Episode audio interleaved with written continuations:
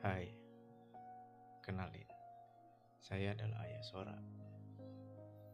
Di podcast ini, saya akan membacakan beberapa tulisan-tulisan saya, ataupun akan membaca tulisan-tulisan yang ada di novel, kutipan, ataupun yang lainnya.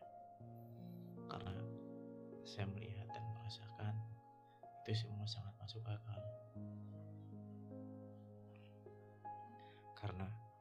Sebuah kesembuhan ada beberapa usaha yang sudah kita lakukan tapi hasilnya selalu tidak ada ataupun belum terlihat. Memang yang namanya usaha hasilnya tidak keluar di tahun yang sama. Jadi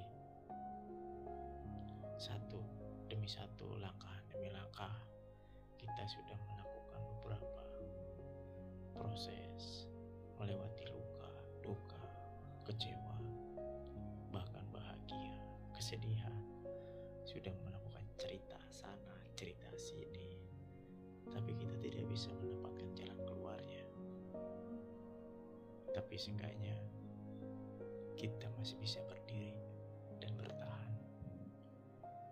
Saya Ayah Sora